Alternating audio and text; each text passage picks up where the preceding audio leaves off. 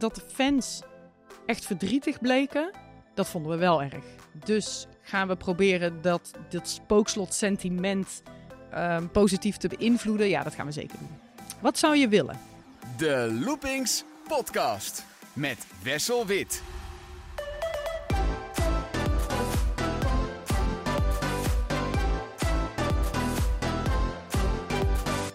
De Loopings podcast vanuit Kaatsheuvel. Er is geen enkel attractiepark in de Benelux dat zo vaak in het nieuws komt als de Efteling. Maar degene die verantwoordelijk is voor het communicatiebeleid van de Efteling blijft normaal gesproken op de achtergrond tot vandaag. Want tegenover mij zit Femke van Es, hoofd van de afdeling communicatie en reputatie bij de Efteling. Dag Femke. Hallo.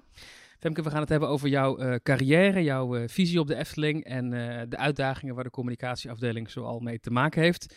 Ja. maar ik wil eigenlijk beginnen met, hoe gaat het met je? Ja, het gaat hartstikke goed met mij. Het is mooi weer. We hebben een leuke dag. We hebben elkaar vanochtend al eerder ontmoet, want we zijn gaan kijken bij de openingen van ons pop-up sprookje, ons tijdelijke sprookje voor ons 70-jarig jubileum. En nou, dan begint de dag wel lekker. Dus dat gaat goed. Vrolijkheid alom. Ja. ja, ik vraag het niet voor niks, want de afgelopen jaren waren voor de Efteling op communicatiegebied behoorlijk pittig. Misschien nog zacht uitgedrukt. Zeker. Ik som even wat ophef uh, op. Okay. Uh, we hadden bijvoorbeeld uh, boze buurtbewoners over het bestemmingsplan. Uh, dierenactivisten bij Paardenshow Ravelijn. Klachten over racisme bij Carnaval Festival en Monsieur Cannibal. Uh, onvrede over de boardingpas bij de Python. Commotie over het uh, promoten van suikerdrankjes bij kinderen. Kun je die nog herinneren? Zeker. mislukt Field Lab experiment. medewerkers die mondkapjes in brand staken. Het al dan niet overtreden van de coronaregels. Het te streng hanteren van de coronaregels, als we Tim Douwsma mogen geloven. een recordverlies. Bijbehorende bezuiniging in het park. Ontslagen op de afdeling evenementen. Uh, verloren rechtszaak, muziek van Monsieur Cannibal. Uh, toen nog landelijke verontwaardiging over de verdwijning van het spookslot. En nu ook nog een erfgoedvereniging die boos is dat de attracties gesloopt worden. Het is echt een hele waslijst aan ellende die dan de communicatieafdeling in goede banen moet gaan leiden. Lijkt me een hele zware taak. Ja. Slaapt jouw team nog wel s'nachts? Ja hoor, wij slapen best wel prima. Maar dat wil niet zeggen dat, we, dat dit ons niet aan het hart gaat. Hè? Maar als ik dit lijstje zo hoor, dan denk ik wel... oh ja, ja leuke baan heb ik dan wel, inderdaad. Uh, maar dit maakt natuurlijk wel communicatie interessant. Uh, je kunt een communicatieprofessional zijn uh, bij een bedrijf wat niet in de spotlight staat. Maar het is natuurlijk wel veel interessanter als je bij een bedrijf werkt wat wel in de spotlight staat. Uh, dat maakt het dynamisch, afwisselend. Het daagt je heel vaak uit. Dus mijn team uh, slaapt, hoop ik in ieder geval. Ik zal dat zo meteen nog even bij ze checken. uh, ik ga ervan uit van wel, maar we zijn wel heel betrokken bij dit soort berichtgeving. En we zijn daar wel 24-7 mee bezig, allemaal. Ja. Jij zit hier al een hele tijd. Verbaas je je nog wel eens over hoe de Efteling leeft in Nederland en hoe diep dat ingeworteld zit in onze cultuur? Want ja, er zijn weinig andere merken die voortdurend deze emoties oproepen in de media. Ja, soms vergeet ik het. Ik weet nog dat ik uh, 13 jaar geleden bij de Efteling begon. En een van de eerste dingen die ik uh, uh, meemaakte was een, fotoshoot bij uh, Assepoester, het nieuwe sprookje in het Sprookjesbos. En ik ging even meekijken met een fotoshoot. En daar werd heel veel gediscussieerd ter plaatse over of we nu wel of niet een foto moesten maken van het voetje van Assepoester dat in de schoen ging. In het glazen muiltje.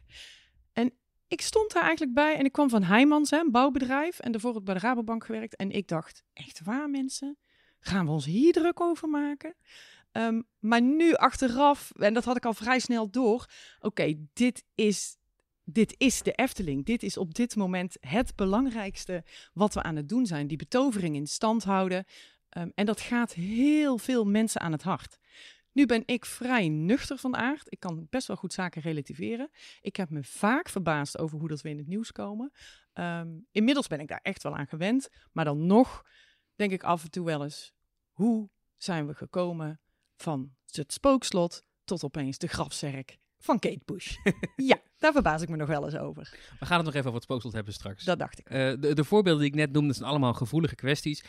In zijn algemeenheid gesproken, hoe gaat zoiets in zijn werk op die communicatieafdeling? Want je wordt dan geconfronteerd met een nieuwsfeit of met commotie. Ligt er dan een stappenplan klaar van zo gaan we hiermee om? Um, ja.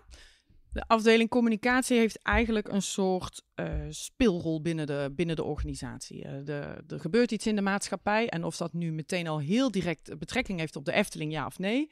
Het is vaak wel dat iemand in het team dan zegt: hey, dit zou ook wel eens onze kant op kunnen komen. Um, dus laten we vast eens nadenken van wat vinden wij hier dan van? Vaak is het wel al zo eventjes besproken in het team. Joh, wat zou ons antwoord zijn als we erop bevraagd worden? Of wat zou onze positie zijn? Of moeten we dit alvast eens uh, ergens in de groep gooien wat we hiervan vinden? Um, dus heel vaak zijn we wel op dingen voorbereid. En dan ligt er een soort van half statement of een halve reactie. Uh, nou, die scherpen we dan aan op het moment dat we vragen krijgen. Uh, en dan zorgen wij eigenlijk dat alle partijen binnen de Efteling datzelfde statement krijgen om te antwoorden. Denk aan de collega's aan de telefoon van ons contactcenter. Uh, nou, daar zit ook het webcare-team, die beantwoorden vragen online. Je hebt, maar je hebt ook onze gastenservice, collega's die bij de front office staan. Eigenlijk wil je dat iedereen in de Efteling hetzelfde antwoord geeft. Dat is natuurlijk de taak eigenlijk van onze afdeling om die regierol te pakken en te zorgen dat iedereen de juiste informatie heeft. Maar dat is lastig. Uh, want die gasten die willen ook meteen natuurlijk een antwoord. Ook bij onze gastenservice, maar ook gewoon bij een medewerker bij een attractie. Dus dat is wel soms heel complex. Uh, maar wij proberen die regiehol te pakken. En dat is eigenlijk ook soms heel reactief. En soms weten we het en proberen we het meteen al klaar te hebben liggen. Of soms ook heel proactief ze zelf graag iets in het nieuws willen brengen. Dus er kan ook echt wel een tijdsdruk achter zitten. Als er in, in één keer wat gebeurt, dan moeten jullie dat zo zo snel mogelijk opstellen en rondsturen binnen de organisatie. Ja, 100% En je merkt ook dat uh, ons team is daar heel erg getraind in eigenlijk. Er gebeurt iets, hup, iedereen meteen uh, actie in de taxi. Uh, daar wordt uh, s'avonds over geappt, uh, s ochtends, midden in de nacht, maakt eigenlijk niet uit. maar we zoeken heel snel contact met elkaar daarover. en we gaan altijd meteen eigenlijk in de actiestand. Omdat we weten dat er gewoon heel veel mensen zitten te wachten op een antwoord. Niet alleen maar journalisten of fans, maar ook onze eigen collega's, onze eigen medewerkers. Iedereen wil eigenlijk meteen weten, hey, wat gebeurt er? En wat vinden we daarvan als Efteling? Ja, dus als er iets gebeurt en mensen zitten eigenlijk te wachten op goh, wanneer reageert de Efteling erop, dan kunnen ze erop rekenen dat er intern al in ieder geval heftig over gesproken wordt. En ja, dat, dan dat zijn wij nog aan het nadenken. Of in ieder geval de juiste woorden aan het zoeken. Ja. Of we zijn het aan het toetsen uh, bij partijen waar wij soms ook van afhankelijk zijn. En dan hoef je niet alleen te denken aan een, aan een directie, hè, want dat overleg is snel gevoerd. Uh, maar soms heb je ook te maken met dat je een stichting of een, uh, of een raad van commissaris hebt, soms een burgemeester, een veiligheidsregio. Je hebt soms partijen waar je dat nog eerst aan wil toetsen. Als er echt iets gebeurt, wil je dat familie dingen eerst weet. Soms wil je betrokken medewerkers, als er iets is, eerst informeren. Dus er is eigenlijk altijd een reden waarom soms iets eventjes op zich laat wachten. En vroeger kon je heel lang wachten. Uh, want vroeger zei je gewoon over drie dagen beleg ik een persconferentie en dan horen jullie het wel. En nu kun je eigenlijk geen drie minuten meer wachten. Ben je ook wel eens blij dat er iets onder de pet blijft? Dat er een statement is opgesteld en dat niemand ernaar vraagt. dat je denkt, oh, dat is de bullet. Die, uh... Of gebeurt het eigenlijk nooit? Ja, tuurlijk. Ja, nee, dat gebeurt wel eens. Als er maatschappelijke discussies zijn en dat je denkt, nou, ze zullen wel bellen. Iemand zal ons wel bellen en bevragen wat wij ervan vinden. En wat vinden wij daar dan van? Maar in 9 van de 10 gevallen worden we dan ook wel gebeld. We zijn natuurlijk best een groot bedrijf. Mensen vinden het best interessant om te weten wat de Efteling ergens van vindt. Dus we worden wel vaak gebeld. En soms vind ik ook best wel lekker dat, we even, dat het even aan ons voorbij gaat. Maar hoge bomen vangen veel wind. Wij krijgen best veel wind. Is elke communicatiekwestie dan ook even moeilijk voor jullie? Is het, is het gewoon... Nee, nee sommige dingen die zijn... Um, je positie is soms gewoon overduidelijk. Dan zeggen we gewoon, nou, dit vinden wij als Efteling. En dat is logisch, want hier staan wij voor en dit zijn wij dus. Die positie is niet ingewikkeld. Dat gaat natuurlijk vooral over zaken die heel relevant en heel dichtbij zijn. Maar als het iets verder weg is, uh, ik noem even een uh, zwarte pieten discussie. In eerste instantie denk je niet meteen aan de Efteling van, joh, wat vindt de Efteling hier eigenlijk van? Maar wij denken wel, ja, dit gaat toch ergens nog wel een keer links of rechts om een keer bij ons terechtkomen. Dus laten we ons maar proberen hierop voor te bereiden. Uh, maar als je een keer geen onderwerp bent van gesprek of je wordt een keer niet bevraagd, dan vinden wij dat niet altijd erg, nee. Nee. En sinds jouw aantreden als uh, ja, teamlead, word jij genoemd, uh, wat is nou volgens jou het lastigste waar de afdeling doorheen moest? Was dat dan toch die coronacrisis? Ja, ik vond de coronacrisis wel heftig. Ik denk vooral omdat Fons zegt dat ook vaak natuurlijk in interviews, daar hebben we het zelf ook vaak met elkaar over. De afhankelijkheid um, waarmee we te maken hadden in die fase, dat heeft het echt lastig gemaakt, het communiceren. Het niet 100% zeker zijn hoe het zit, het niet helemaal 100% de regie in eigen hand hebben, maar echt moeten wachten, net als de rest van Nederland, op een persconferentie met maatregelen. En daar natuurlijk wel drie scenario's voor klaar hebben liggen, maar het was dan toch net weer anders. Uh, dat dan proberen toe te passen voor een hele wereld van de Efteling. Uh, te zorgen dat je eigenlijk ook het liefst nog steeds je medewerkers eerst informeert voordat dingen naar buiten gaan. Ik vond dat heel lastig, omdat het ook partijen zijn waar we niet vaak mee te maken hebben. Uh, een veiligheidsregio, burgemeesters, uh, het kabinet in die zin, die hadden zich eigenlijk nog nooit zo vaak bemoeid met de Efteling. Uh, wij zijn gewoon een bedrijf en we kunnen best wel onze eigen koers varen.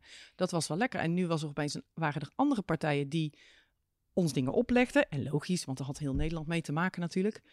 Maar voor een communicatieafdeling is dat heel ingewikkeld. Want je kunt voorbereiden wat je wil, maar het ging toch altijd net een andere kant op. Ja, er was dit keer helemaal geen draaiboek uh, voorhanden. Nee, en in de coronatijd, er is nog nooit een periode geweest dat er behoefte was aan zoveel informatie. Iedereen wilde heel veel informatie. Gasten, verblijfsgasten, abonnementhouders, uh, onze omwonenden, onze medewerkers die thuis zaten. Hoe gaan we dat doen met thuiswerken? Uh, kan ik wel naar kantoor komen? De Efteling is dicht. Hoe zit dat met mijn uren? Hoe zit dat met mijn. Nou, noem het op. De behoefte aan informatie was echt tien keer zo groot. En dat zag je ook heel goed bij ons contactcenter. Dat aanbod van telefoontjes is daar bijna vertienvoudigd in de coronatijd. De minuut na de persconferentie gingen de telefoontjes door het dak. Maar in diezelfde minuut moesten wij nog bedenken hoe dat we dat eigenlijk zouden gaan doorvoeren. Dus en wat arme, dat precies arme collega's nemen de telefoon op, denkende, ik wacht ook nog gewoon op de informatie. Ja, maar mensen die ook tien dagen van tevoren belden, zeggen ja, dan en dan is een persconferentie. Vertel eens, hoe, wat weten jullie al? Nee, wij weten ook nog niks. Komt nog eens bij dat tijdens die persconferentie, dat, dat uh, we vaak ook met z'n allen zaten te kijken, wij als uh, pretparkmensen, wat gaan ze zeggen over de pretparken? Ja. En dat er niks werd gezegd. Nee. En dat je zelf maar moest gaan nadenken van, ja, in welke branche vallen wij nu? Pas in de laatste fase van de coronacrisis werd dat echt een sector, de doorstroomlocatie. Maar in eerste instantie Nee, waren we of een beetje cultuursector, soms een beetje evenementen. En nou is het natuurlijk zo hè, dat het hele palet aan sectoren eigenlijk in de Efteling aanwezig is. Uh, van zwembad tot evenement tot verblijfsaccommodaties. Uh, uh, ja, noem het op. Bioscoop, alles. Dus dat maakte het complex. Maar inderdaad, wat je zegt, het was nou na zo'n persconferentie nog nooit eens even 100% duidelijk. Heel af en toe misschien. maar wat de gevolgen voor ons waren leerde ook dat na de persconferentie vaak de vragen nog gesteld waren. En die waren ook nog heel relevant. Want er zat soms wel eens een journalist tussen die dan even net even een Efteling gerelateerde vraag stelde. Voor ons eigenlijk best wel handig. Want dan wisten we het antwoord namelijk meteen. live op tv. In plaats van via een veiligheidsregio, via een burgemeester, via... Dankjewel Thomas van Groningen van op Onder andere, ja, dankjewel. Um, maar dat maakt het complex. En de enorme informatiebehoefte uh, is nog nooit zo groot geweest.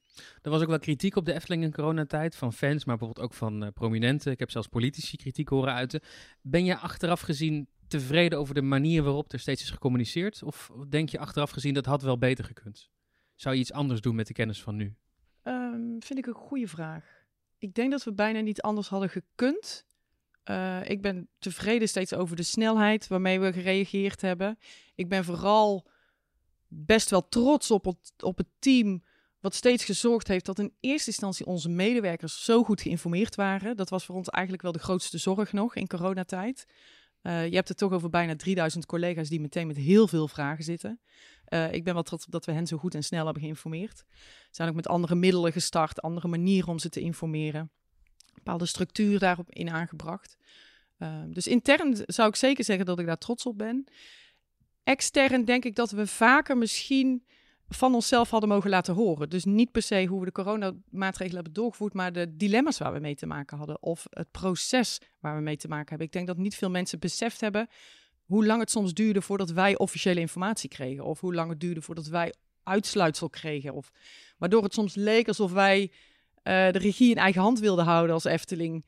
Um, terwijl we eigenlijk heel feitelijk steeds het braafste jongetje van de klas wilden spelen. Uh, dat Wilde de Efteling het braafste jongetje van de klas spelen? Ja, we hebben altijd gezegd, laten we ons 100% uh, eh, aan de wet houden. Dat doet de Efteling eigenlijk altijd. Dat past ook bij ons natuurlijk. Um, en laten we dat zo goed mogelijk doen. Alleen het was gewoon een complexe situatie waarin we niet steeds 100%. Er, was heel, er waren weinig mensen die ons precies konden vertellen: Oh, maar Efteling, dit betekent het voor jullie. En dit betekent het voor Ravelijn. En dit betekent voor Fabula. En dit betekent voor een sprookjesboomtheater. Iedereen zei: Oh ja, poeh een theater binnen 12 minuten. Ja, en dan, dan heb je nog een voorshow en daarna nog iets. Ja, moeten we even over nadenken. Um, maar je kunt ook als Efteling in zo'n situatie denken: het is een pandemie, we kiezen voor de veiligste optie. We gaan gewoon als voor, hè, we noemen het voorbeeld, bioscopen moeten een coronabewijs hanteren. We hebben een soort van bioscoop. Hij duurt niet 2,5 uur, maar hij duurt maar 10 minuten. Maar om, om de discussie te voorkomen, gaan wij daar gewoon een coronabewijs hanteren. En we hebben een Efteling Museum, dat is geen Rijksmuseum. Daar loop je maar eventjes doorheen. Dat is hetzelfde als een gang in een sprookjesbos. Maar gewoon om de discussie voor te zijn, we weten dat we onder een vergrootglas liggen, gaan we het toch doen. Ja, Ja, nou zeker. Ik denk dat we dat in veel gevallen gedaan hebben. En in veel gevallen zou je achteraf kunnen zeggen van, nou had het maar gedaan, want het had gescheeld. En wij dachten gewoon, oké, nou de regels zijn zo, dus we kunnen dit doen. En dat heeft niet altijd goed uitgepakt. En in heel veel gevallen denk ik dat we het heel erg goed gedaan hebben. Tijdens de coronacrisis moest er ook een hele hoop grote investeringen uitgesteld worden. Uh, dan heb je als communicatieafdeling automatisch minder te vertellen. Want ja, jullie, jullie grote verhalen zijn natuurlijk de investeringen in de Efteling. Hoe zorg je er dan voor op een, op een creatieve manier dat je toch genoeg positief in het nieuws komt als er, als er minder investeringen zijn? Ja, ik denk ook echt dat dat wel de verdienst is geweest van onze afdeling marketing. Dat is eigenlijk een andere afdeling uh, binnen de Efteling. We werken daar natuurlijk heel nauw mee samen. Want wat je zag in de coronatijd is dat de afdeling communicatie uh, vooral heel veel focus gehad heeft op interne communicatie en corporate communicatie. Veel meer de bedrijfsmatige kant. Um, en zij hebben echt, marketingcollega's hebben echt geprobeerd in de coronatijd nog leuke dingen te verzinnen. Wat kunnen we dan laten zien? Hoe kunnen we toch de Efteling naar de mensen thuis brengen als mensen niet hierheen kunnen komen? Uh, en ik denk dat ze het heel erg leuk hebben gedaan en heel goed hebben gedaan. Dat kwam echt van marketing vandaan? Ja, grotendeels zeker, ja. Jouw voorganger uh, Koen Sanders, die is inmiddels directielid, die vertelde mij ooit ook dat hij soms wel eens wenste dat hij wat minder in het nieuws kwam. Dat er wat minder aandacht was voor het merk Efteling. Omdat hij dacht, ja, er is bijna een overkill. We zijn zoveel in het nieuws. Als we een keer zelf wat willen vertellen, dan dreigt het ondergesneeuwd te raken. Onderschrijf jij dat? Ja, 100 procent. Want nu zijn we vandaag heel positief in, uh, in het nieuws. Mensen, ik hoop dat dat positief uitpakt. Dat moet ik nog even zien zometeen. Uh, maar we hebben een sprookje geopend. En dat is gewoon een leuk, een leuk nieuwtje. Dat is niet per se heel nieuwswaardig. Uh, voor onze begrip is dat, is dat heel leuk nieuws. Uh, maar we weten allemaal dat als er iets heel ergs gebeurt vandaag in de wereld, dan sneeuwt dit onder. Als je als Efteling iedere twee weken met leuk en luchtig nieuws in de media wilt komen, uh, ja, dat lukt eigenlijk niet. Uh, dan, dan zegt een, een Brabants Dagblad of een heel nieuws, zegt ja, we hebben er wel genoeg reclame gemaakt voor de Efteling. Je zit heel snel op het commerciële, op het commerciële vlak. Dus je moet goed wel overwogen eigenlijk een planning maken, een kalender. Wat doen wij gewoon letterlijk voor de rest van het jaar? Wanneer willen wij graag in het nieuws komen? Hoe groot achten we de kans dat we groots in het nieuws kunnen komen? Ja, niet als we iedere twee weken met een persbericht aankomen. En daar moeten wij soms kritisch in zijn, want je kunt je ook voorstellen dat onze afdeling uh, horeca heeft een ontzettend leuke nieuw horeca-concept bedacht. Of de afdeling merchandise komt met een leuk nieuw merchandise-artikel communicatie, willen jullie daar dan eventjes een persbericht van maken? Nee, sorry, want we hebben nu net dat sprookje geopend. Weet je, dat pakt niemand op. Ja, maar dit is voor ons heel belangrijk. En het is echt een super tof merchandise artikel. En dat is soms natuurlijk intern de, overweging uh, wat je moet uitleggen. Uh, ja, zo werkt het niet met nieuws. Stel je ook wel eens iets uit omdat de Efteling op een andere manier het nieuws komt wat je van tevoren niet had verwacht? Dat er bijvoorbeeld op de kalender staat, volgende week maandag onthullen we een nieuwe attractie, maar uh, dat schuiven we maar gaat door, want de Efteling is anders in het nieuws. Ja. Dus en we doen het eigenlijk allemaal zelf. En ook als het niet gepast is. Oh ja. Um, stel je voor dat je iets, uh, ik, pff, ik verzin het even, stel je nou voor, is er ooit een keer uh, in een ander park een ongeluk geweest met een vergelijkbare piranha. Dan stel je voor dat we net iets bedacht hadden met, ja, dan stel je dat uit. Ja. daar let je natuurlijk heel erg goed op. Uh, maar ook in de coronatijd regelmatig iets uitgesteld. Want ja, volgende week dinsdag is de persconferentie. Wie weet, even afwachten wat ze dan gaan vertellen. Oh, dat is toch niet zo best. We stellen dit nog even verder uit. Het moet altijd passen in de tijd en passen bij ja, wat er op dit moment in de maatschappij leeft. Dus je kunt plannen wat je wil, uh, maar dat lukt niet altijd. Nee. Efteling staat er wel altijd om bekend dat er een reactie komt. Als je aan de Efteling als journalist een reactie vraagt, dan komt er uiteindelijk ook altijd een statement. Uh, het is een poli politiek correct statement, maar er komt een statement. Denk je wel eens, ah, dit, we gaan hier gewoon niet op reageren. We gaan dit gewoon helemaal doodzwijgen. Kijken nee. wat er gebeurt. Nee, nooit. Nee. Niet verstandig. Nee, niet verstandig. En ook niet passend bij de Efteling. Als een gast een vraag stelt in het park, dan zeggen we, geven we ook altijd antwoord. Het is ook eigenlijk ons uitgangspunt. Geef altijd, altijd antwoord. Ook al kun je niks vertellen, je kunt nog steeds een antwoord geven. Dat kan ook een, een procesantwoord zijn. We denken erover na, het ligt daar en daar op tafel. We kunnen daar nu niets over zeggen. Maar uh, ik vind dat je altijd antwoord moet geven. De Efteling is een toegankelijke organisatie. Dus ook voor mediarelaties zijn wij uh, toegankelijk. En ik geloof er heel erg in dat als je zelf geen antwoord geeft, dat iemand anders wel het antwoord voor je gaat geven. Uh, dus ik hou heel graag die regie de communicatieafdeling doet natuurlijk veel meer dan alleen maar reageren op nieuws. Um, hoeveel mensen zitten er nu op die afdeling? We zijn met uh, zeven. Zeven personen in totaal. Inclusief een stagiair die we altijd hebben, zijn met acht personen. En uh, iedereen heeft eigenlijk een eigen vakgebied, een eigen specialisme binnen de afdeling. We hebben iemand die is uh, gespecialiseerd op interne communicatie, iemand op corporate communicatie. We hebben een woordvoerder. We hebben iemand die bezig is eigenlijk met content maken, vooral voor interne kanalen, maar dus ook bijvoorbeeld een persbericht schrijven of een podcast of een video maken. Um, en we hebben twee allround medewerkers eigenlijk die manieren zoeken om de Efteling positief in het nieuws te brengen met onderwerpen die we zelf graag willen. En dat is zowel reactief, omdat we gewoon heel veel verzoeken krijgen voor opname, voor interviews, uh, maar ook zelf uh, actief bedenken, hey, hoe kunnen we nou leuk proberen met dit onderwerp in het nieuws te komen. Veel parken in Europa die hebben überhaupt geen communicatieafdeling. Heb ik het over pretparken. Uh, ik noem maar uh, Slagharen, Duinrail en Walibi. Daar wordt de woordvoering gedaan door de afdeling marketing. Um, waarom is het volgens jou belangrijk om marketing en communicatie zo van elkaar gescheiden te houden? Ja, de organisatie Efteling en het product Efteling zijn eigenlijk twee verschillende dingen.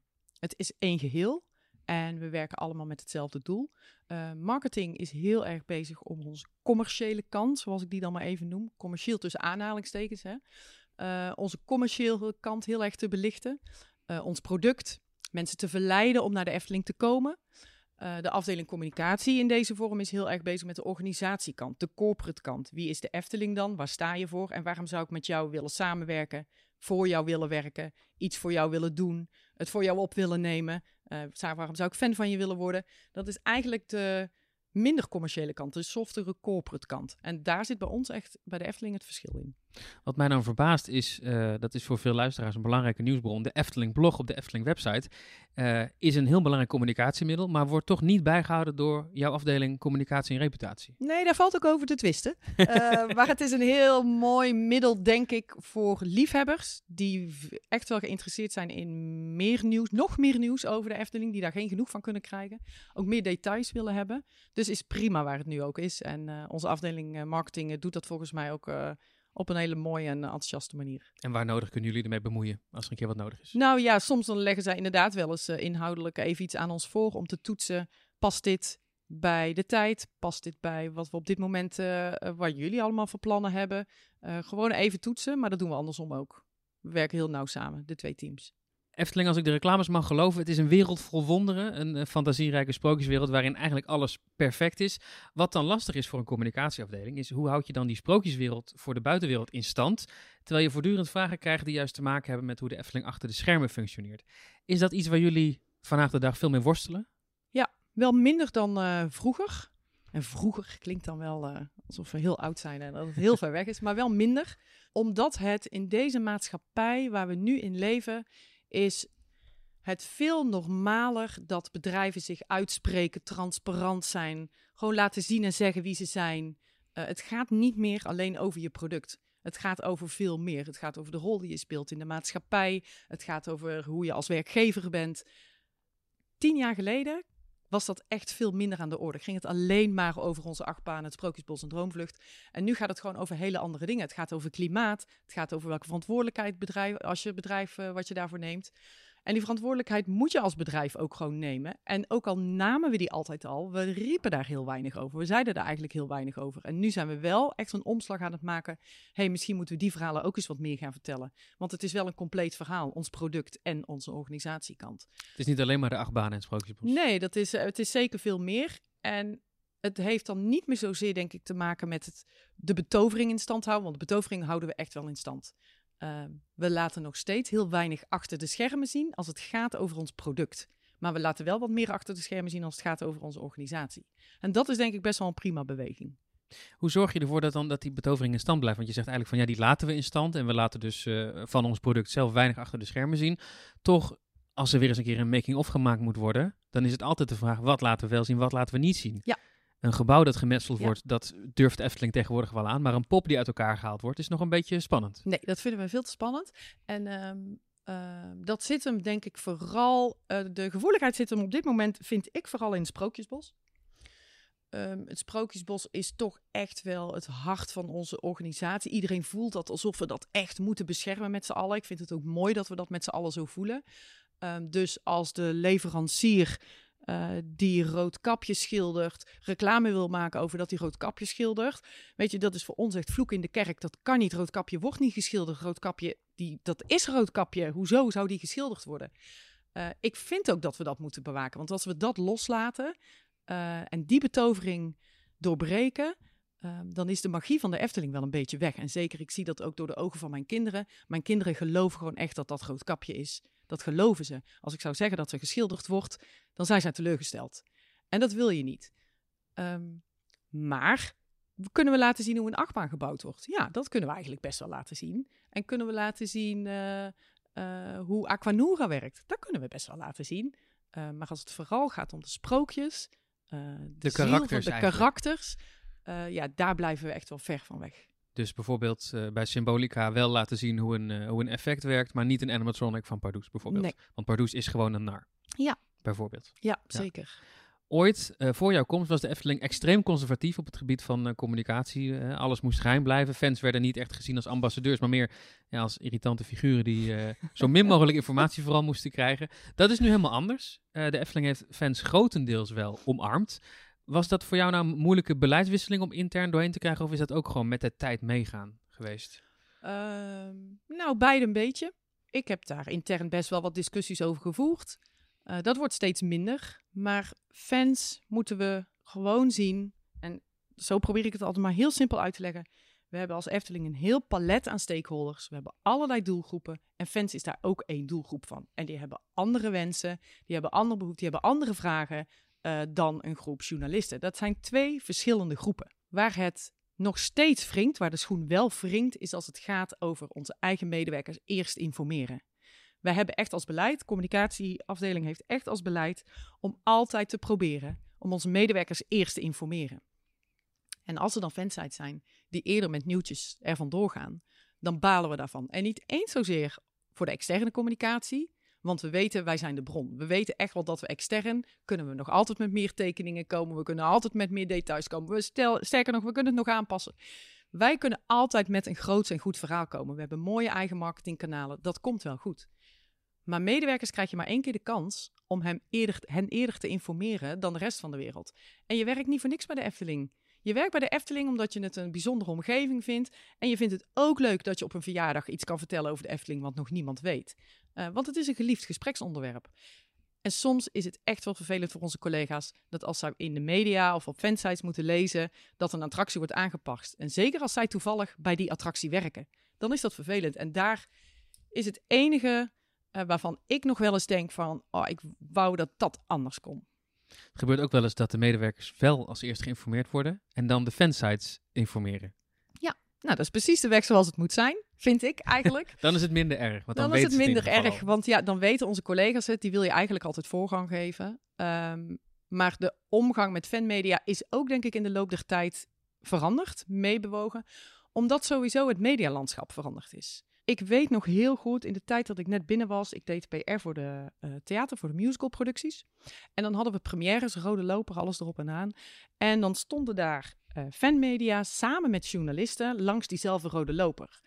En traditionele journalisten die kwamen dan wel eens naar ons toe, naar mij toe. En die zeiden van, uh, maar Femke, wat doen zij hier? Ja, hetzelfde als wat jij doet. Maar zij zijn altijd eerder. Want zij hebben het nu al op Twitter. Of zij hebben het nu al...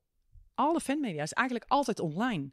En de traditionele journalisten die daar aanwezig waren... die moesten wachten tot de volgende ochtend... totdat hun krant gepubliceerd werd. Nou, dat medialandschap is natuurlijk veranderd. Een journalist is nu aanwezig, maakt met zijn telefoon alvast een fotootje, deelt het ook op Twitter, stuurt eventjes iets naar de online redactie, die gaat ook alvast iets maken. De snelheid voor die, voor die traditionele media is, die is echt heel veel, die is veel sneller geworden. Maar voorheen waren fanmedia altijd veel sneller, want het waren alleen maar online communities, uh, op Twitter heel actief, op de socials allemaal heel actief. En de traditionele media vonden dat heel irritant en kwamen vervolgens bij ons, de afdeling communicatie, klagen over de aanwezigheid daarvan. Ja, wat doe je dan als afdeling communicatie? Dan ga je daar proberen een draai aan te geven. Nou, gelukkig ligt die tijd wel nu inmiddels ver achter ons. Uh, omarmen we de fanmedia gewoon. Ik zie ze echt als een belangrijke stakeholdergroep, net als de andere uh, stakeholdergroepen die we hebben. En ik denk dat we echt wel een prima samenwerking met hen hebben opgebouwd. En dat gaat gewoon prima twee kanten op. Want je bent namelijk op een of andere manier, en dat geldt voor alle stakeholdergroepen, je bent op een of andere manier van elkaar afhankelijk. Wij zijn afhankelijk van fans. Want als fans heel negatief alleen maar over ons praten, wij ze nergens bij betrekken en zij het helemaal niet leuk vinden wat we hier doen, nou dan hebben wij het echt wel moeilijk om in de buitenwereld een positief verhaal te gaan vertellen. Want je ziet gewoon dat fanmedia hebben een enorm bereik, zeker als ze zich verenigen en ook nog dezelfde mening opeens met z'n allen hebben. Ehm, aan de andere kant is het soms dus niet prettig. Ja, dat nieuws al eerder uh, op de fanmedia staat dan dat we tegen onze medewerkers hebben kunnen vertellen. Maar het is een wisselwerking. We zijn van elkaar afhankelijk. Fanmedia is afhankelijk van ons, uh, want wij geven ze informatie, wij geven ze nieuws. Uh, en wij zijn afhankelijk van hen, want het zijn eigenlijk onze beste ambassadeurs. Moet jij wel eens ingrijpen in het communicatiebeleid, omdat zo'n groep fans zich ineens verenigt met een negatieve mening en in één keer massaal tegen iets is? Ja, zeker ik heb dat, uh, daar zullen we het zo meteen nog wel over hebben, bij het spookslot wel gezien. En ik zie dat, uh, we hebben dat ook bij de boardingpass gehad. Kijk, als communicatieafdeling kun je een hele traditionele rol aannemen. Je kunt zeggen, wij zijn alleen maar om te informeren. Maar ik vind ook dat wij als communicatieafdeling echt een rol hebben om zaken te signaleren en soms te agenderen. Dus op de agenda's van uh, directie te krijgen of andere afdeling van, hey, dit is niet, dit pakt communicatief niet lekker uit. Het moet natuurlijk niet zo zijn dat je dat doet omdat je zegt, nou, alleen omdat het niet zo lekker communiceert, moeten we misschien ons beleid aanpassen. Zo werkt het niet bij de Efteling, gelukkig niet. Nee, we communiceren bijna altijd vanuit beleid. Dus we hebben er eerst over nagedacht en dan gaan we het communiceren. Ik vind wel dat we een, echt een signalerende rol hebben. Dit valt niet lekker. We zien op de socials heel veel negatieve reacties. Uh, het webcare-team, dat hoort eigenlijk officieel ook overigens bij het communicatieteam, het hele contactcenter. Het webcare-team heeft daar echt een signalerende rol. Die bevragen we ook heel vaak wil je op social media, draai eens even uit. Hoe is het sentiment? Wat vinden we daarvan? Nou, de ene keer doe je daar wel iets mee, de andere keer doe je daar niet iets mee. Weet je, soms heb je het gewoon al ingecalculeerd. Dan denk je, nou, we wisten wel dat ze niet zo blij om zouden zijn. Neem de boarding pass. Um, maar hey, we willen gewoon dit experiment aangaan. We willen dit gewoon toetsen. Daar hoeft dan niet iedereen blij mee te zijn. Soms heb je dat gewoon al, wat ik zeg, gewoon al ingecalculeerd. En toch doe je het dan. Uh, ik vind het erger als we het niet ingecalculeerd hebben. En dat we denken, oh, chips, dit hadden we anders moeten doen. Uh, maar we hebben ze absoluut een signalerende rol daarin. We zijn echt niet alleen maar een club van informeren, informeer maar. En, uh, want dit is nou eenmaal het beleid. Nee, dat gaat ook echt wel terug van hey, we zien dit gebeuren, we zien dit sentiment. Um, kunnen we daar iets mee? En soms doe je daar wat mee? Ja, zeker. Het is ook een beetje een spelletje hè, tussen de fans en de nieuwsites aan de ene kant en aan de andere kant dan de communicatieafdeling. Je had het net al over wat als eerste uh, online gaat. Jullie proberen de regie te houden. Kijk, als je bij een uh, fabriek van, uh, van lampjes werkt en je komt met een nieuw product, dan hoef je niet zorgen te maken dat dat nog eerder gaat uitlekken. Maar nee. dat is hier altijd spannend. Ja, het is hier altijd spannend, altijd dynamisch. En ik vind dat spel, dat hoort er ook echt bij. Dat is ook echt leuk. Je ziet wel dat waar we voorheen dat spel bijna alleen maar met fanmedia speelden. Jullie zijn altijd dingetjes op het spoor Jullie weten dingetjes eerder. Jullie hebben weer een foto gemaakt over een bouwhek in een bouwkeet. Weet je wel, dat je denkt, oh nee, of we zijn met een making-of weer iets vergeten van de muur te halen. Weet je, jullie ontdekken gewoon dingen. Um, uh, dat is eigenlijk, als je er van een afstandje naar kijkt, is dat echt wel heel, vind ik dat heel grappig. Um, stom natuurlijk dat we dat iedere keer vergeten. Uh, maar het is een spel. Jullie weten iets. Uh, wij willen eerst even weten hoeveel dat jullie weten. Um, dan gaan we eens onze, op onze eigen kalender kijken. Wanneer wilden we dit zelf eigenlijk bekendmaken? Ik kan me zo uh, de, wereld, de wereld van Simbad herinneren, die toch iets naar voren geschoven is in de communicatie. Uh, ja, het is een spel wat we met, uh, met elkaar spelen. En ik vind wel dat wij niet per se de eerste hoeven zijn. want de strijd met fanmedia hoeven we daar niet per se op aan te gaan. Ik wil wel dat wij een compleet en goed verhaal neer kunnen zetten. We zullen ons nooit laten versnellen omdat we denken, hé, hey, dat weten ze al.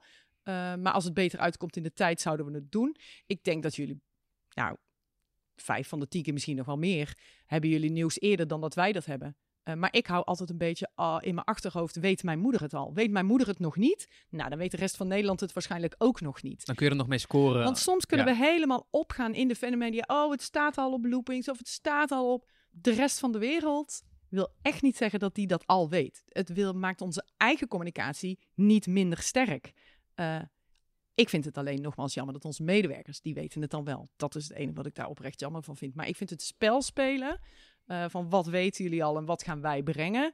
Ik vind dat wel een aardig, uh, aardig spel. En ik denk ook dat heel veel mensen denken dat wij heel veel nieuwtjes altijd geven aan fanmedia. Maar jullie zijn het eigenlijk altijd zelf op het spoor. En wij proberen daar op een goede manier afspraken over te maken. Nou, je weet zelf ook dat we ook echt wel eens vragen, joh, Wessel, wacht hier even mee. Want er zijn gewoon mensen intern die ik hierover echt zelf eerst wil informeren.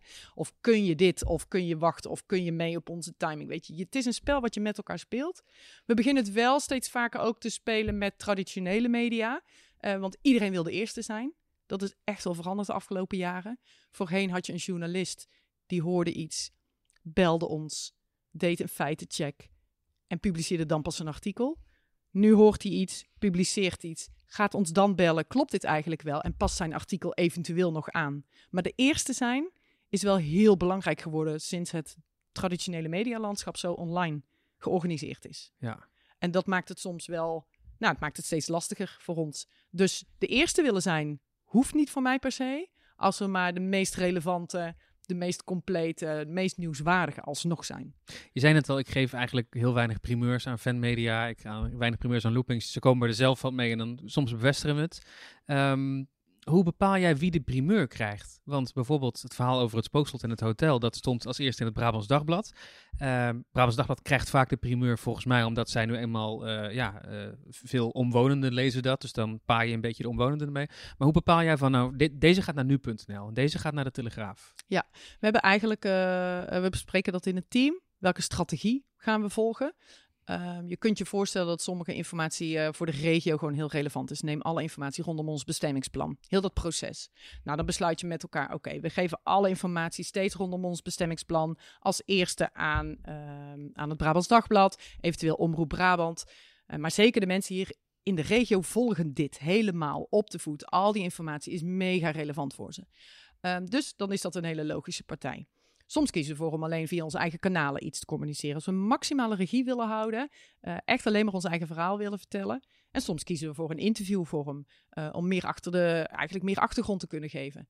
Nou, zo is dat helemaal, dat nu dat spookslot uh, Brabants Dagblad primeurtje eigenlijk was dat niet een hele bewuste keuze. Um, misschien nog wel leuk namelijk om hier te vertellen, is dat we een interviewverzoek hadden van het Brabants Dagblad voor eind 2021. En dat zou een hele financiële insteek hebben. En dat is typisch iets waar het Brabants Dagblad vaak om vraagt, waar wij graag in mee willen gaan. Ze willen graag een interview met onze directeur, met Fons Jurgens. Gewoon een terugblik op het afgelopen jaar. Hoe is het met de Efteling gegaan? Uh, hoe gaat het financieel? Nou, dat is geen gekke vraag. Alleen dat interview werd uitgesteld door corona, uitgesteld, uitgesteld. Uiteindelijk kwam het in de week terecht dat wij ons spookslotnieuws uh, bekend zouden maken. En wij dachten, nou, dan pakken we die samen. En zo geschieden. ik ga er zo nog even wat dieper op in. Ik moest, ja. ik moest ineens denken, je had het over het spelletje spelen. Ik kan me herinneren dat ik jou op een zondagavond een keer een appje stuurde met... Gos, er zijn wat bankjes en tegels aan het weghalen op de Efteling Brink in het midden van het park. Gaat het dan toch gebeuren met die nieuwe attractie Symbolica? En dat jij mij iets terugstuurde van, nou, dat zou ik even morgen moeten checken. Je hoort nog van me. En dat maandagochtend om 9 uur het persbericht van de Efteling kwam. Uh, met uh, we investeren 35 miljoen in onze nieuwe attractie Symbolica. Die vond ik wel mooi.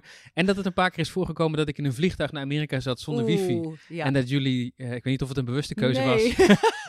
en toen dachten we, gaan nu dat persbericht naar buiten gooien. ja, Over de nieuwe attractie. ja, dat, ja, we hebben je een paar keer kunnen verrassen, maar we kennen jouw vluchtschema's niet. Dus dat was niet bewust. Die moet ik gewoon doormailen van tevoren. Ehm, of juist niet. Maar ergens vind ik het altijd wel leuk als we met iets komen waar we jou ook nog mee kunnen verrassen of andere fans. Soms, heel soms lukt dat. Laten we hopen op één keer per jaar. En omdat we het gewoon leuk vinden om jullie namelijk ook eens te verrassen. Dan wordt er Eh, dat jullie niet alles hier, eh. eh, ontdekken. Nou, dat is gewoon, dat vinden we wel leuk. En is dat, levert ons dan meer nieuwswaarde op? Absoluut niet. Dan gaat het gewoon om dat we het leuk vinden dat we het een keer geheim, echt geheim hebben kunnen houden met z'n allen. En dat is gewoon heel ingewikkeld in zo'n grote organisatie. En dat volgens mij hebben we dat met elkaar ook gewoon geaccepteerd. Dat dat eigenlijk bijna nooit lukt. Ehm, en de nieuwswaarde, wat ik zeg, de nieuwswaarde wordt er niet groter van. Misschien juist wel niet. Jullie zorgen heel vaak voor een opstap naar andere grote media, naar landelijke media. Eh, en daar zijn we heel dankbaar ook voor. Heel vaak. En soms ook niet, want dan willen we die opstap niet. Precies. Over eh, het verhaal van de Efteling eh, vertellen gesproken. Eh, wat me ook opvalt is dat jullie steeds vaker duidelijk willen maken in de communicatie wie nou de eigenaar van de Efteling is. Een heel ander verhaal, maar dat komt wel steeds vaker naar voren. Veel Nederlanders zullen nog niet weten dat, hoe dat zit. Die denken misschien Efteling is onderdeel van een investeringsmaatschappij of een rijke familie. Kun jij voor eens en voor altijd duidelijkheid scheppen van wie is de Efteling? Hoe zit dat? Ja, de Efteling is eh 100% van Stichting Natuurpark de Efteling. Zij zijn de enige aandeelhouder. Eh, en inderdaad, we hebben wel met elkaar gezegd dat we dat verhaal eh, wat vaker willen gaan vertellen. In 2019 hebben we reputatieonderzoek gedaan. Dat doen we wel, eh, wel iets vaker. En daaruit kwam naar voren, en dat wisten we eigenlijk wel, dat men, heel veel mensen de Efteling zien als een heel commercieel bedrijf. Het wordt steeds duurder en willen hier zoveel aan verdienen. En dat vind ik eigenlijk jammer, omdat ik, nou, omdat ik hier werk en ontzettend trots ben op de Efteling, omdat ik weet hoe het zit en omdat dat maakt voor mij werken bij de Efteling zo mooi. Omdat ik weet wat voor organisatie het is. De Efteling is dus van niemand, dus van ons allemaal. Uh, alle medewerkers hebben er evenveel belang bij. Van de directeur uh, tot, uh, tot een afdeling communicatie. Het maakt niet uit.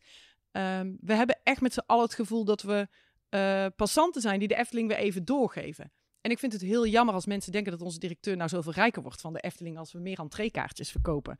Um, nou, ik zie hier staan in 2020 verdienen die 337.000 euro bruto. Nou, dat is ook genoeg natuurlijk. Ja.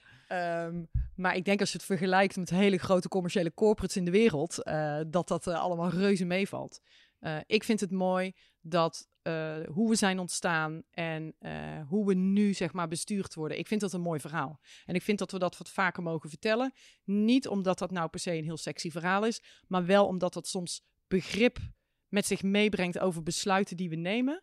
Als mensen in hun achterhoofd hebben dat we dat niet doen omdat we zoveel mogelijk geld willen verdienen, uh, dan vind ik dat wel fijn. Het laat mensen met een andere blik naar de Efteling kijken. Een bezoek brengen aan de Efteling doen ze toch wel. Uh, maar wat ik zei, mensen willen soms ook met ons samenwerken of voor ons werken of iets voor ons doen. En dan is juist dit verhaal eigenlijk wel heel belangrijk om te vertellen. En het, het past volgens mij in de tijd van nu om gewoon te vertellen wie je bent als organisatie. En dat zijn we langzaam eh, maar zeker steeds meer aan het doen. Qua imago. Ja. ja en als de eh, kaartjes hier duurder worden, dan is het niet zo dat er oliesheiks, overheden of investeringsmaatschappijen dan uh, diepere nee. zakken krijgen. Nee, dat geen gaat investeringsmaatschappijen. in de nieuwe attracties. Ja, dat zie je het. Ja, dat zeker weten. Al het geld wat wij verdienen gaat uh, dus uh, naar de stichting of gaat terug in het park. en de stichting doet daar hele mooie dingen van. We kennen allemaal bijvoorbeeld Villa Pardoes. Nou, zij gebruiken dat nog veel meer voor goede doelen. en zij herinvesteren dat terug in het park.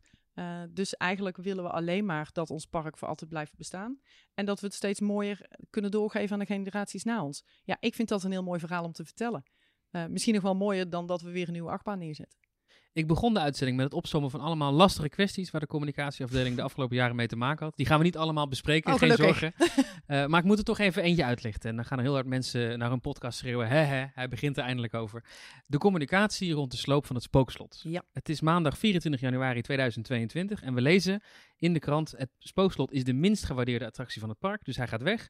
Er komt iets nieuws, het kost 25 miljoen euro. En oh ja, we gaan ook nog een hotel bouwen aan 50 miljoen euro. De groeten. Nou. En Nederland zit op zijn kop. Echt hè? Jij bent een expert op het gebied van communicatie. Ja. Wat is hier fout gegaan? Wat is hier fout gegaan? Ik vertelde net al even. Uh, overigens wil ik uh, eerst even zeggen dat ik um, met verbazing naar dit proces ook heb gekeken. Dit was niet ingecalculeerd? Nee, dit was niet ingecalculeerd. Als je er van een afstandje naar zou kijken als communicatie-expert of als PR-expert, dan zou je kunnen zeggen: alle publiciteit is publiciteit. Efteling is het nieuws. Efteling is het nieuws, is volop in het nieuws. Je kunt bijna zeggen, hebben ze het bewust gedaan, is het een PR-stunt? Het zou zomaar kunnen. Um, maar nee, natuurlijk was het dat niet. Hadden we erop gerekend dat er wat te doen zou zijn, dat we het spookslot uh, gingen vervangen? Ja. Hadden we erop gerekend dat het zo groot zou zijn? Nee. Dachten jullie eigenlijk meer een beetje vergelijkbaar met de Bob bijvoorbeeld? Ja, dat denk wegging. ik wel. En waarbij we ook denken: joh, onze trouwe achterban kent ons, weet hoe wij uh, bezig zijn met aan de enerzijds de Efteling behouden, de traditie behouden, het erfgoed behouden, en aan de andere kant toch proberen vooruit te bewegen. Uh, voor die generaties die na ons komen. Uh, de Efteling beweegt langzaam mee met de tijd. Dat betekent dat er iets verandert, maar niet te veel. Weet je, we weten dat dat een spanningsveld is. Um, dus wisten we dat daar wat over te doen zou zijn? Ja, iedereen vond het ook heel jammer dat de Pegasus wegging. Vond het ook heel jammer dat de Bob wegging. We hebben allemaal uh, waardige vervangers toegevoegd. Um, dus ergens was het denk ik meer vertrouwen. Uh, dat wij vertrouwen zouden krijgen dat daar wel iets moois voor ze terug zullen, zou ze komen. Ze zullen nu inmiddels wel snappen dat als wij wat dat, weghalen... Dat, dat daar iets... echt iets goeds ja. voor terug gaat komen. Ja. Um, we hebben lang we hebben het eigenlijk best lang gehad over: hey, zullen we deze twee nieuwtjes combineren, ja of nee? Zullen we vertellen dat we en een hotel gaan bouwen en dat er een heel nieuw gebied komt? Of zullen we twee keer nieuws proberen te maken? Nou, door corona werd, eh, werden nieuwsberichten wat uitgesteld, er werd wat geschoven. Er was daar het interview met het Brabants Dagblad. Weet je wat, we brengen het toch maar in één keer. Want alle fans weten al dat er een hotel komt. En dan hebben Ja, zij dat zag ik ergens dan hebben zij, hebben zij ook namelijk nog een, eh, iets nieuws. En dan kunnen we hen ook misschien nog wat nieuws brengen. Ja, en die combinatie leek achteraf gewoon niet zo slim. Eh, we hadden het in eerste instantie gewoon even bij het hotel moeten laten. Dat verhaal vooral moeten vertellen. Later dat spookslotverhaal. Maar aan de andere kant vinden wij het niet erg dat we nu verteld hebben dat het spookslot verdwijnt. Dat daar een spanning wordt opgebouwd voor wat komt daar dan voor terug. En dat we straks daar 100% vertrouwen in hebben. Dat mensen gaan zeggen, oh, maar dit is echt tof. En dit is echt Efteling waardig. En dit, dit brengt helemaal terug het gevoel wat we wel verwacht hadden. Je kiest je woorden zorgvuldig. Ja, eh. zie je het? En, ehm, dus dat dat spanningsveld er nu is, vind ik niet zo erg. Dat de fans echt verdrietig bleken, dat vonden we wel erg.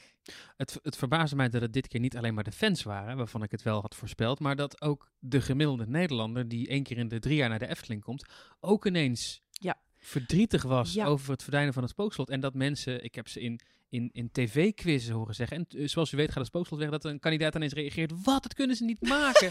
Vrouw was misschien al tien jaar niet meer in de Efteling geweest, maar wist al- wel wat het spookslot En nog was. nooit in het spookslot geweest. Waarschijnlijk. Want als iedereen daar die zo enthousiast was, nou in dat spookslot was geweest. Was hij nooit weggehaald? Nou, dat is heel kort door de bocht, maar inderdaad, weet je. En het was ook in een periode, vind ik dan ook altijd mooi. Het was geen kom komkommertijd, maar zo leek het wel. Is dit nu het belangrijkste nieuws? Ik kan dan goed relativeren en ik zeg, nou, als dit het belangrijkste nieuws in de wereld, in Nederland is, dan doen we het best wel goed met z'n allen. Het is ook natuurlijk ook lekker nieuws, omdat je wil niet altijd over oorlog en over coronacrisis Nee, dus praten. het is, en het is opvallend. Vaak haalt nieuws van de Efteling natuurlijk eh, eh, ook echt wel landelijke media. Nou, er gaat dan iets weg. Er is commotie. Tel het bij elkaar op. Dat, dat maakt, dat is nieuwswaardig. Ehm, hadden we het achteraf iets anders gedaan? Ja, ik denk het wel. Ehm, vinden we het nu erg dat we in dat spanningsveld zitten van wat zou er terugkomen? Nee, dat vinden we dan wel weer fijn. En ik denk echt dat we heel veel mensen straks gerust gaan stellen. Heeft het opnieuw mijn ogen geopend over hoe intensief mensen van de Efteling houden? Eh, ja. Maar we moeten dus nog even geduld hebben. ja, Want je had nog ook- eventjes. Je had ook kunnen zeggen in die week dat het, eh, dat het helemaal fout ging op communicatiegebied en dat iedereen boos was. Oké, we gaan toch nu maar die plannen naar buiten brengen. Want daarmee eh, haal je misschien wel de angel eruit. Ja. Want ehm, dat is misschien een beetje een publiek geheim, maar het, het spookslot verdwijnt niet helemaal. Er komt een nieuwe attractie voor terug in de geest van het spookslot, om maar even een spookterm te gebruiken. Dus als je er iets van laat zien, worden de fans en de Nederlanders een stuk gerustgesteld, denk ik. Ja, ik denk absoluut dat we mensen straks gerust gaan stellen. Hadden we dat kunnen doen? Dat hadden we kunnen doen. Maar dat wilden we niet doen. Je wilde die kritiek We- niet in één keer weg hebben. Ja, de eerste paar dagen wel. De eerste paar dagen hebben we tegen elkaar gezegd, moeten we er iets mee? Moet er iets mee? Aan de andere kant, we houden graag regie over ons eigen nieuws. En wij weten hoe we in timing iets graag opbouwen. Ik denk ook dat we daarom bekend staan over hoe dat wij nieuws naar buiten brengen, stapsgewijs. Eh, dan hadden we dat allemaal naar voren moeten halen voor iets wat nog best ver weg is. Dus ja, we hebben het daar zeker over gehad. Ehm, ik denk ook dat we daardoor misschien wel een twist hebben gegeven aan hoe we dat straks op een later moment gaan vertellen. Ehm, en ik ben heel benieuwd naar de reacties. Ik vind het gewoon alleen, ja, ze waren intensief. Ze waren heftig, de reacties. En eh, dan zie je maar dat je niet alles kan voorzien en dat je niet overal eh, zomaar eh, dat in kan schatten. En je ziet ook hoe groot iets kan worden. En dat is ook ingewikkeld om in te schatten. En dat is ook niet op ieder moment eh, te voorspellen, denk ik. En misschien als we dat vandaag de dag precies hetzelfde zouden doen, had het zomaar kleiner kunnen zijn. Het is maar net ook op welke podia, welke mensen. Binnen de fanmedia heb je ook echt wel een aantal kopstukken. Ik weet even niet het goede woord daarvoor. Zoiets. Eh, mensen die In influencers? influencers binnen de fancommunity. Ja, dat is denk ik wel een goede term. Eh, die hebben veel bereik en die oogsten veel aanzien. En die, die bepalen vaak wel een, een, een, een mening. En dat zag je nu ook gebeuren. Nou, dat heeft mij ook denk ik wel aan het denken gezet. Dat ik, wie zijn die mensen eigenlijk? Eh, die beïnvloeders, die influencers. Want die kennen wij in het medialandschap best wel prima. Eh, maar in de fancommunity nog wat minder misschien. En als we die nou bij betrokken hadden, of die alvast iets, iets geruststellends ingefluisterd hadden, zonder dat we het weg hadden gegeven. Ja, wat als, wat als. Ehm, ik, ben, ehm, eh, ik ben niet zo van het terugkijken, ik ben echt van het vooruitkijken. Hadden we het anders kunnen doen? Zeker. Gaan we mensen geruststellen? ook zeker. We gaan even vooruitkijken. Jij kent de kalender, eh, want jij weet nu al precies wanneer jij project Dans Macabre gaat aankondigen. Kun jij zeggen hoe lang we nog moeten wachten? Is dat een maand of is dat een half jaar? Gaat Wat zou je willen? Ik zou het het liefst eh, morgenmiddag zou goed uitkomen. We hebben net een sprookje geopend. Ja, dat is lastig, Dus hè? ik heb jou net verteld dat we niet alles Twee weken in dezelfde minimaal twee weken wachten. Ehm, Het is misschien ook de manier waarop. Want er komt misschien een persbericht, maar je wil natuurlijk ook een beetje misschien nu knipogen naar de fans. En we hebben jullie Ja. gehoord. Ja. En je wil misschien ook ja, Ja. een leuk videootje doen of een leuk teasertje. Waarbij je misschien niet alles weggeeft, want het is nog lang geen 2023, eh 24. Ja. Maar waarbij je wel de zorgen van de fans omarmt en zegt, we hebben jullie gehoord, maak je geen zorgen. ja, dat gaan we doen. Dus dat gaan we zeker doen. En wanneer we dat gaan doen, dat hou ik nog even geheim. Ehm, maar ik hoor het wel hoor. We kunnen je hulp best wel goed gebruiken. ik nodig je uit om met ons mee te denken. Eh, die plannen liggen er. Ehm, ik denk dat we zeker oog gaan hebben voor de fans. Dat proberen we altijd. Eh, ik vind de fans oprecht heel belangrijk. Ehm, dat heb ik eerder ook al verteld. Ik denk ook dat we als Efteling de afgelopen jaren inderdaad echt wel mooi een andere mindset daarop hebben gekregen. Daar zijn we best wel positief over. Onze afdeling communicatie snapt dat heel goed. Moeten wij daar soms intern nog wat voor lobbyen en wat discussies voor slechten? Soms wel. Maar wij omarmen jullie steeds meer. En we merken heel goed dat we van elkaar afhankelijk zijn. En dat we samen de Efteling zijn. Want de Efteling is net zo goed van ons als dat dat eigenlijk van de fans is. Ehm, dus gaan we proberen dat, dat spookslot sentiment ehm, positief te beïnvloeden. Ja, dat gaan we zeker doen. Dan zijn er ook nog heel veel bouwwerkzaamheden bij de ingang, waarbij iedereen hoopt dat er een keer een concept art op een schutting verschijnt. Zal ongetwijfeld ook eh, Dat zit allemaal in de eh, planning. op de Ja. kalender staan. Ja. kwam er trouwens ook nog een erfgoedvereniging om de hoek kijken. We het nog niet eens over gehad, maar eh, daar komt een gesprek mee, geloof ik. Dus over de Ja, zorg daar, over de daar komt een gesprek status. mee. Wat je vaak ziet is, eh, en dat vind ik in dit geval ook, eh, ik zei, we zeiden het al eerder, de Efteling, hoge bomen vangen veel wind. We zijn best wel ontdekt de afgelopen jaren door nou, actiegroep. Ik zou de Heemkundekring niet een actiegroep willen noemen. Op de barricade. Maar mensen die zich ergens hard voor willen maken, eh, met hun vuist op tafel willen slaan, die komen er wel achter dat de Efteling een strijdtoneel is. Letterlijk toneel. Terwijl ik weet van jullie statements altijd dat zin 1 is, de Efteling is geen strijdtoneel. Nee, en wij werken daar heel hard aan. Maar je ziet toch dat als mensen iets willen en ze doen dat in de Efteling of met de naam Efteling, dan krijgen zij eigenlijk vanzelf heel veel media-aandacht. We hebben de dierenactivisten gezien, Foodwatch. En dat is natuurlijk echt iets wat wij niet willen. Ik vind het prima dat deze partijen zich melden bij ons en vertellen wat ze te vertellen hebben. En als wij, ze willen dat wij iets veranderen, vertel het ons dan persoonlijk. Ik vind het soms te makkelijk om de media op te zoeken en eigenlijk een bepaald mediabereik te genereren door onze naam te gebruiken, zonder dat wij daarvan weten, zonder met ons het gesprek aan te gaan. Ehm, als de Efteling van iedereen is, dan ben je hier ook welkom voor een bak koffie en dan kun je vertellen wat je daarvan vindt. En dan kunnen wij eens met jou meedenken. Eh, want zo'n organisatie zijn wij. En dit is geen uitnodiging voor iedereen om op de koffie te komen, overigens. Ehm, maar eh, in dit geval de media opzoeken eh, zonder met ons het gesprek aan te gaan, vind ik jammer. Dus nodig ik hen uit voor een gesprek. En ik denk vooral in deze kwestie dat zij niet goed genoeg weten hoe wij heel erg goed voor ons erfgoed willen zorgen. Eh, maar soms is iets uitleggen, zoals het verhaal van de Efteling, ehm, is gewoon nodig om begrip te krijgen. En ja, zij bekijken dat met ogen, denk ik heel erg vanuit dat de Efteling een museum is. Maar de Efteling is geen museum. We zijn, een, we zijn erfgoed, maar we zijn ook dynamisch erfgoed. We moeten langzaam meebewegen met onze tijd, anders voldoen wij niet aan waar wij voor bestaan om het door te geven aan de generaties na ons. Want ook zij moeten het aantrekkelijk vinden om hier te komen. En zij moeten het ook de herinneringen hebben van vroeger. Dus het is constant zoeken naar die balans daartussen. Eh, maar we zijn geen museum. Eh, maar we zijn wel dynamisch erfgoed, modern erfgoed. Iets, eh, iets in die geest. En dat is echt iets anders dan voor altijd alles hetzelfde laten en bewaren. Op naar de toekomst. Op zeker naar een hele mooie toekomst. Je luisterde naar een aflevering van de Loopings podcast. Heb je vragen of opmerkingen? Mail dan naar podcast@loopings.nl. En wil je geen afleveringen missen? Abonneer je dan via de verschillende podcast-apps zoals Spotify. Bedankt voor het luisteren en graag tot de volgende keer.